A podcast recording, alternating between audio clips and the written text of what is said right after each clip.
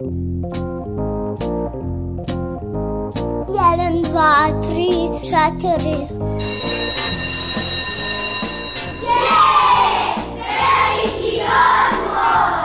Emisija o obrazovanju i vaspitanju.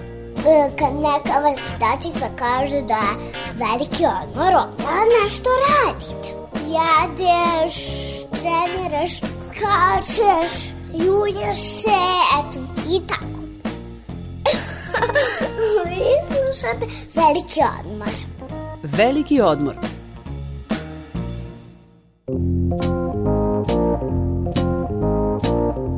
Igra je neodvojivi deo odrastanja deteta. Ona pruža podršku njegovom razvoju.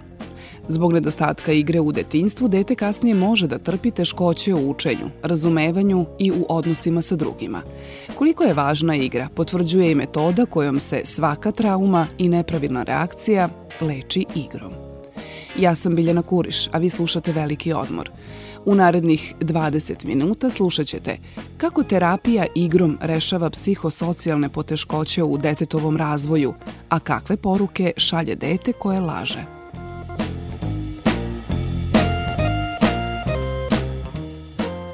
Pedagog i praktičar terapije igrom Katarina Majkić već pola decenije bavi se dečijom igrom kao terapijom. U razgovoru sa njom otkrila sam da igru možemo da sagledavamo iz više nivoa, da je svaka igra moćno oruđe putem koje se dete veže sa roditeljem, odnosno okolinom, da rešava sve nedoumice kod roditelja o vaspitanju. Poslednje vreme jako puno ima istraživanja kako igra utiče na razvoj dečeg mozga i to je ono što potvrđuje sva ta neka, hajde da kažem, znanje, iskustva koja se već decenijama unazad primenjuju, ali sve više su i naučno potvrđena da je igra nešto što zapravo razvija i sinapse u mozgu i da je igra nešto što prvenstveno pomaže detetu da integriše sadržaje. Mi znamo koliko u toku jednog dana do deteta stigne jako puno informacija, pogotovo u ovom savremenom vremenu u kom živimo. Od samog jutra kada ustane, jel, da li je to upaljen TV koji dolazi do njega, jel, ono, gužva, krećemo, oblačimo se, roditelji onako imaju potrebu jako puno stvari da mu saopšte, jel, u samom startu, onda dođu u vrtić ili u školu, onda su tu novi e, razvojni nivoji koje treba da savlada, E, onda kad se vrati iz škole, tu su opet sportovi, tu su razne školice stranih jezika, tu su nam tableti, tu su nam računari, igrice, dakle sve više imamo situaciju da zapravo mozak jel, ne može da integriše toliku količinu informacije. Zapravo slobodna igra je ključna u razvoju deteta koja mu pomaže da sva nova iskustva i nova znanja obradi, proradi, procesuira, razume, jel, objasni sebi, razume i vrati ih tamo, posloži, kao onako jedan jedinstven puzzle utisaka.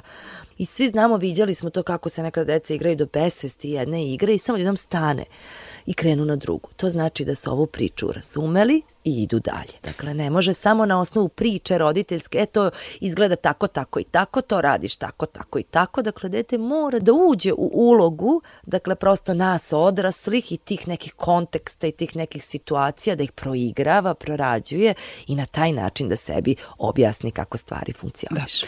Da. Deca zaboravljaju da se igraju ili se igraju sve manje. Da li to znači da i manje imaju mogućnosti da upoznaju sebe i da upravo obrade ovu vrstu podataka koja je neophodna za razvoj. Tako je, sad ste se dotakli jedne važne stvari i mislim da će ta stvar da bude tek vrlo aktuelna. Neka istraživanja do kojih sam ja došla pokazuju da deca, sa obzirom da su se negde rodila, ajde da kažem, došla na svet sa nekakvim kapacitetom za igru, jel, sa kapacitetom da funkcionišu u ovom svetu, s obzirom da sve više imamo uticaj medija u smislu tableti, igrica, sve više vremena provode pred ekranom i da negde deci opada kapacitet za igru, a samim tim i sve ove vrlo važne stvari proigravanja, prorađivanja, razumevanja, integrisanja jel, novih iskustava i sadržaja, te stoga deca danas su sve manje u kontaktu sama sa sobom, sa svojim osjećanjima. Mi sve više imamo decu koje imaju poteškoće sa zaglavljenom ljutnjom, sa zaglavljenom tugom, koje ne mogu da verbalizuju, da opišu, da objasne. Dakle, prosto onako to se zipuje, oni to nosi na najmanji neki okidač samo onako odjednom, jel, ispliva. Zapravo, sve manje pričamo sa decom, sve manje im omogućavamo taj kontekst gde će oni pronaći kanal kroz koji može da izađe, da ispliva to što nose u sebi. Ne postoji dete koje je rođeno bez sposobnosti za igru. Ona je najprirodniji način na koji dete može da ispolji svoj unutrašnji svet. Praktičar terapije igrom, Katarina Majkić, kaže da igra pomaže deci da pronađu zdravije načine komunikacija, grade bogatije odnose, razvijaju rezilijentnost, to jest otpornost i olakšavaju emocionalnu pismenost često mi imamo određeno, hajde da kažemo, žarište ili neku situaciju, neki okidač koji se može desiti u porodici ili se može desiti u vrtiću ili se desi u školi, ali dete to ne zna i ne može da nam kaže. U prečkolskom uzrastu, pa i da kažemo i u ranoškolskom, govor nije osnovni način komunikacije. Dakle, mi nekada imamo previsoko očekivanje od deteta da kaže kaži šta ti je, pa zašto plačeš, pa zašto si tužan, pa zašto si, ne znam, udario druga, zašto radiš ovo ili zašto radiš ono. Dakle, dete ne može da nam jasno i precizno kaže i objasni i stavi do znanja šta se zapravo dešava. Neka situacija, jel, dete nema takav kognitivni aparat, da tako kažemo, da može neke stvari da razume, neke pojave. Naprimjer, nekada možda mama i tata se sporečkaju oko neke stvari pred detetom koju ni ne percepiraju da je nešto ovaj, bilo bitno ili važno, ali deca često kada dođe do njih nekakva informacija koja je nedovršena, neuobličena, često pomisle da su oni krivac nečemu. Čim detetu objasnimo neke stvari, ali čim mu je jasan kontekst takav kakav jeste, pa jako je neprijatan, dete već ima jel, onako veliki kapacitet da to prevaziđe. Kada je terapija igrom najdelotvornija mm -hmm. kod deteta? Mm -hmm dete ne može puno toga da nam ispriča. Nekada može, ali najčešće ne može. Ali zato kroz igru i te kako može da nam e, signalizira u zavisnosti kakve igre bira, načina koji se igra. Dakle, nama odraslima može da pošalje jednu veoma važnu i moćnu poruku da mu je potrebna podrška i tačno u kojim segmentima. Jako važna stvar jeste upravo taj kontekst gde se u sigurnom okruženju omogućava detetu da proigra i proradi situacije koje ne razume. Dakle, da li su to određene svađe koje je čuo, video? Da li je to strah možda od neke hiruške intervencije koju je imao? Dakle, da li je prošao kroz neka traumatska iskustva? Dakle, omogućavanje detetu da to proigrava, prorađuje u sigurnom okruženju i kontekstu jeste onaj koncept na kome se temelji nedirektivna terapija igrom kojom se ja i bavim, a to je igra koja leči. Jako je važno da je tu obučeni terapeut koji mu daje prosto prostora da dete bude to koje vodi vodi, a odrasli ga sledi, dakle dete bira sadržaje, odrasli ga vodi kroz taj proces, ali ne nameće vrstu igre, šalje mu poruku da ga prihvata sa svim njegovim osjećanjima, da ga prihvata upravo takav kakav jeste. Ne osuđuje ga, ne procenjuje ga, ne vrednuje ga. Roditelji se najčešće obraćaju kada im je potrebna podrška, najčešće primete da se u ponašanju nešto promenilo, jel da se dete sada drugačije ponaša nego što se ponašalo, ili da ispoljava neku vrstu agresivnog ponašanja, neadekvatnog, neprilagođenog ponašanja.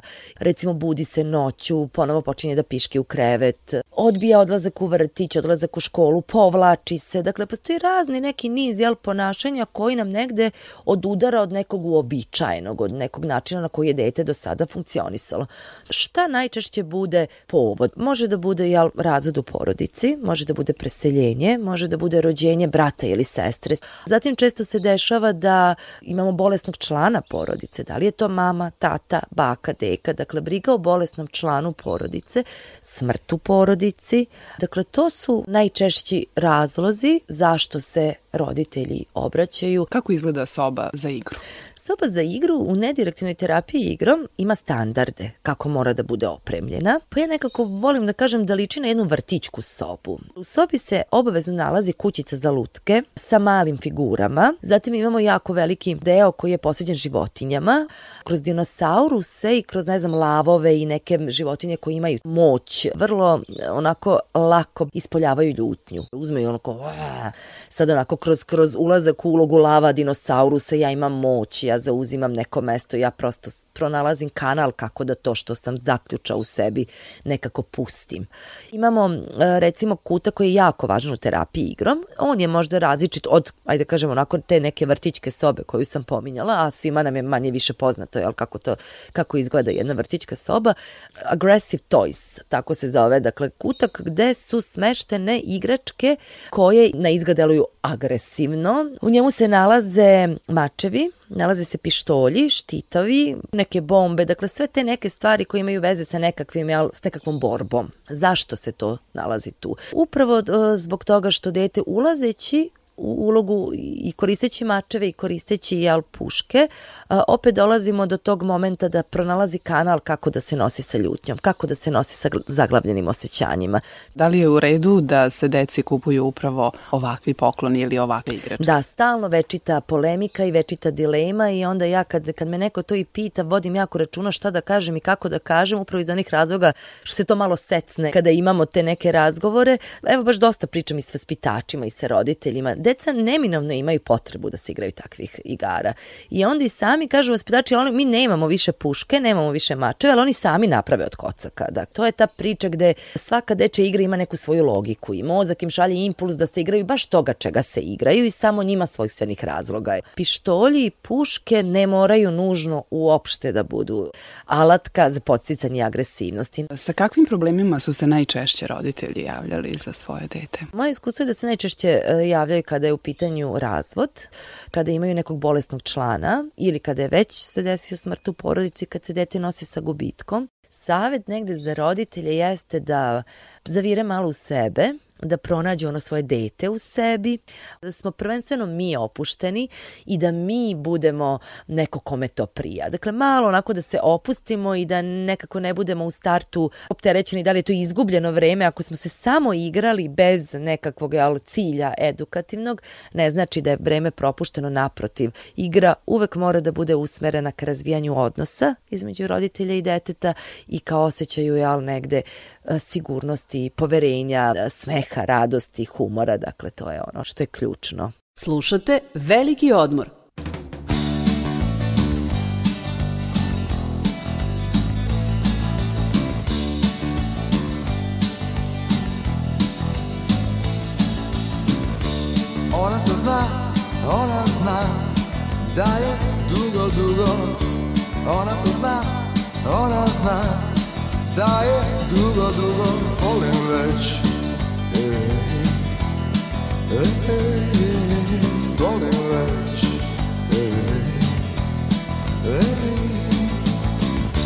Molim je da, molim je Da mi bar put.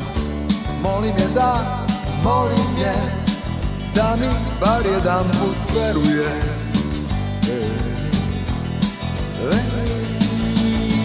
I kad je vidim ja se pitam da li postoji kad je vidim ja se pitam da ona zna?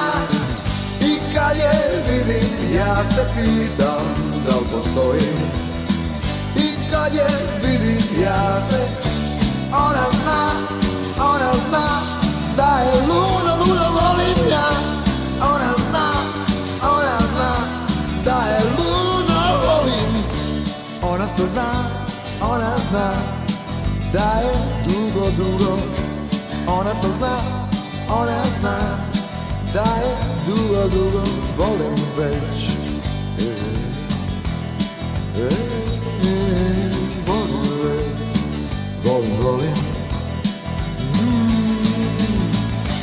svake noći kada sanjam, ona me voli. I svake noći ja se pitam, da ona zna svake noći kada sanjam, ona me voli I svake noći ja se,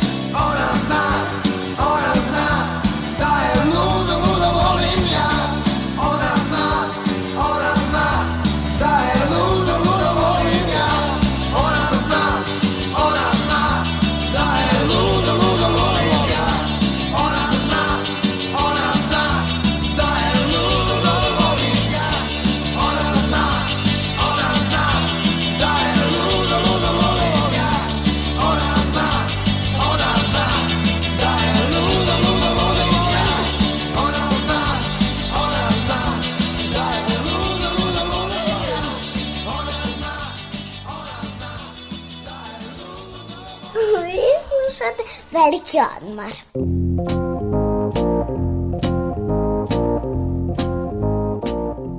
Zašto dete laže? Psiholog Žana Erdeljan objašnjava koji su najčešći razlozi za dečije laganje. Ono što je važno da roditelji i uopšte slušaoci današnje emisije znaju da deca vrlo često lažu. Postoji dosta razloga zbog kojih deca lažu. Vrlo često se deca osjećaju kao da su uhvaćena u neku zamku i da zbog toga moraju da lažu. Vrlo često deca e, se plaše kazne ili odbacivanja. Nekada mogu da se osjećaju ugroženo, pa da prosto biraju da lažu upravo zbog toga da bi u jednom trenutku izbegli taj, taj osjećaj ugroženosti. S treće strane, vrlo često deca misle da će laganje biti najbolje rešenje i za njih i za tu drugu stranu. Tako da uslovno rečeno lažu zbog dobre, zbog dobre namere. Često dete koje laže veruje da roditelj u stvari ili osoba koju laže ne može da se nosi sa istinom i da je upravo laž u stvari bezbolnije rešenje za tu drugu osobu, tako da mi veliki često treba da se pitamo koliko u stvari ima istine u takvoj dečijoj pretpostavci preuzimanje odgovornosti za svoju različitost ili neispunjavanje roditeljskih očekivanja jedan su od razloga zbog koje dete laže ili da ne bi razočaralo ili rastužilo roditelja. Naša sagovornica ističe da previše kontrole roditelja ili postojanje uslovljene ljubavi dete neminovno vuče u laž. Pojavljuje se ta priča odgovornosti da ja ne rastužim moju mamu ili da ja ne rastužim mog tatu, koja je u stvari lep motiv za neko dečije ponašanje. Međutim, šta je pozadina najčešće takvog stava? Najčešće se on javlja u porodicama u kojima dete osjeća da je ljubav roditelja uslovna. I zato je jako važno, jedan od glavnih saveta roditeljima koji se odnosi na neko građenje atmosfere u odnosu na dete je da manifestuju tu priču bezuslovno i uopšte da manifestuju bezuslovnu ljubav u odnosu na dete.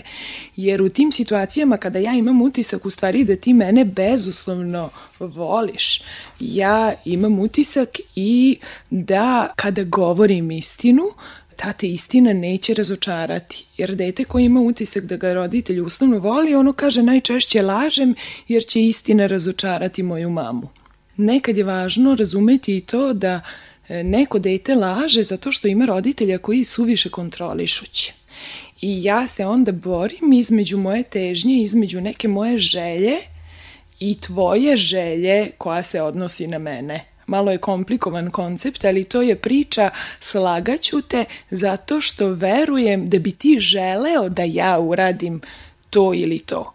Suštinski ja to ne želim, ali nemam dovoljno slobode zato što si ti toliko kontrolišući ili kontrolišuća i ja već polako učim da se maskiram. Ja već polako učim da ti se predstavljam onako kako mislim da bi, da bi trebalo. Da bi laganje kod dece bilo svedeno na najmanje okvire, roditelji bi trebalo da priznaju da su greške sastavni deo života, ističe psiholog Erdeljan.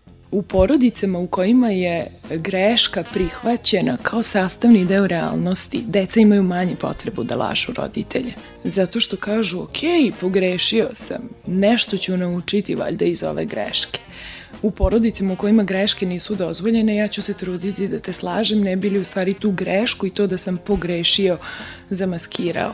Tako da to je jedan od, od saveta roditeljima takođe. Zatim, jako je važna jedna praksa, a to je da roditelj primeti da je dete izabralo da mu kaže istinu i da mu se na tome malte ne zahvali to ispoljavanje zahvalnosti što si ti izabrao da kažeš istinu, a mogo si da slažeš, je jako važna roditeljska praksa i ne samo roditeljska, nego i neka vaspitačka praksa, da ja tebi kažem, u stvari cenim to što, iako ti je bilo teško, u stvari da izabereš istinu, ti si ipak istinu izabrao. Vaspitanje je kad se lepo ponašaš i kad čuvaš prirodu.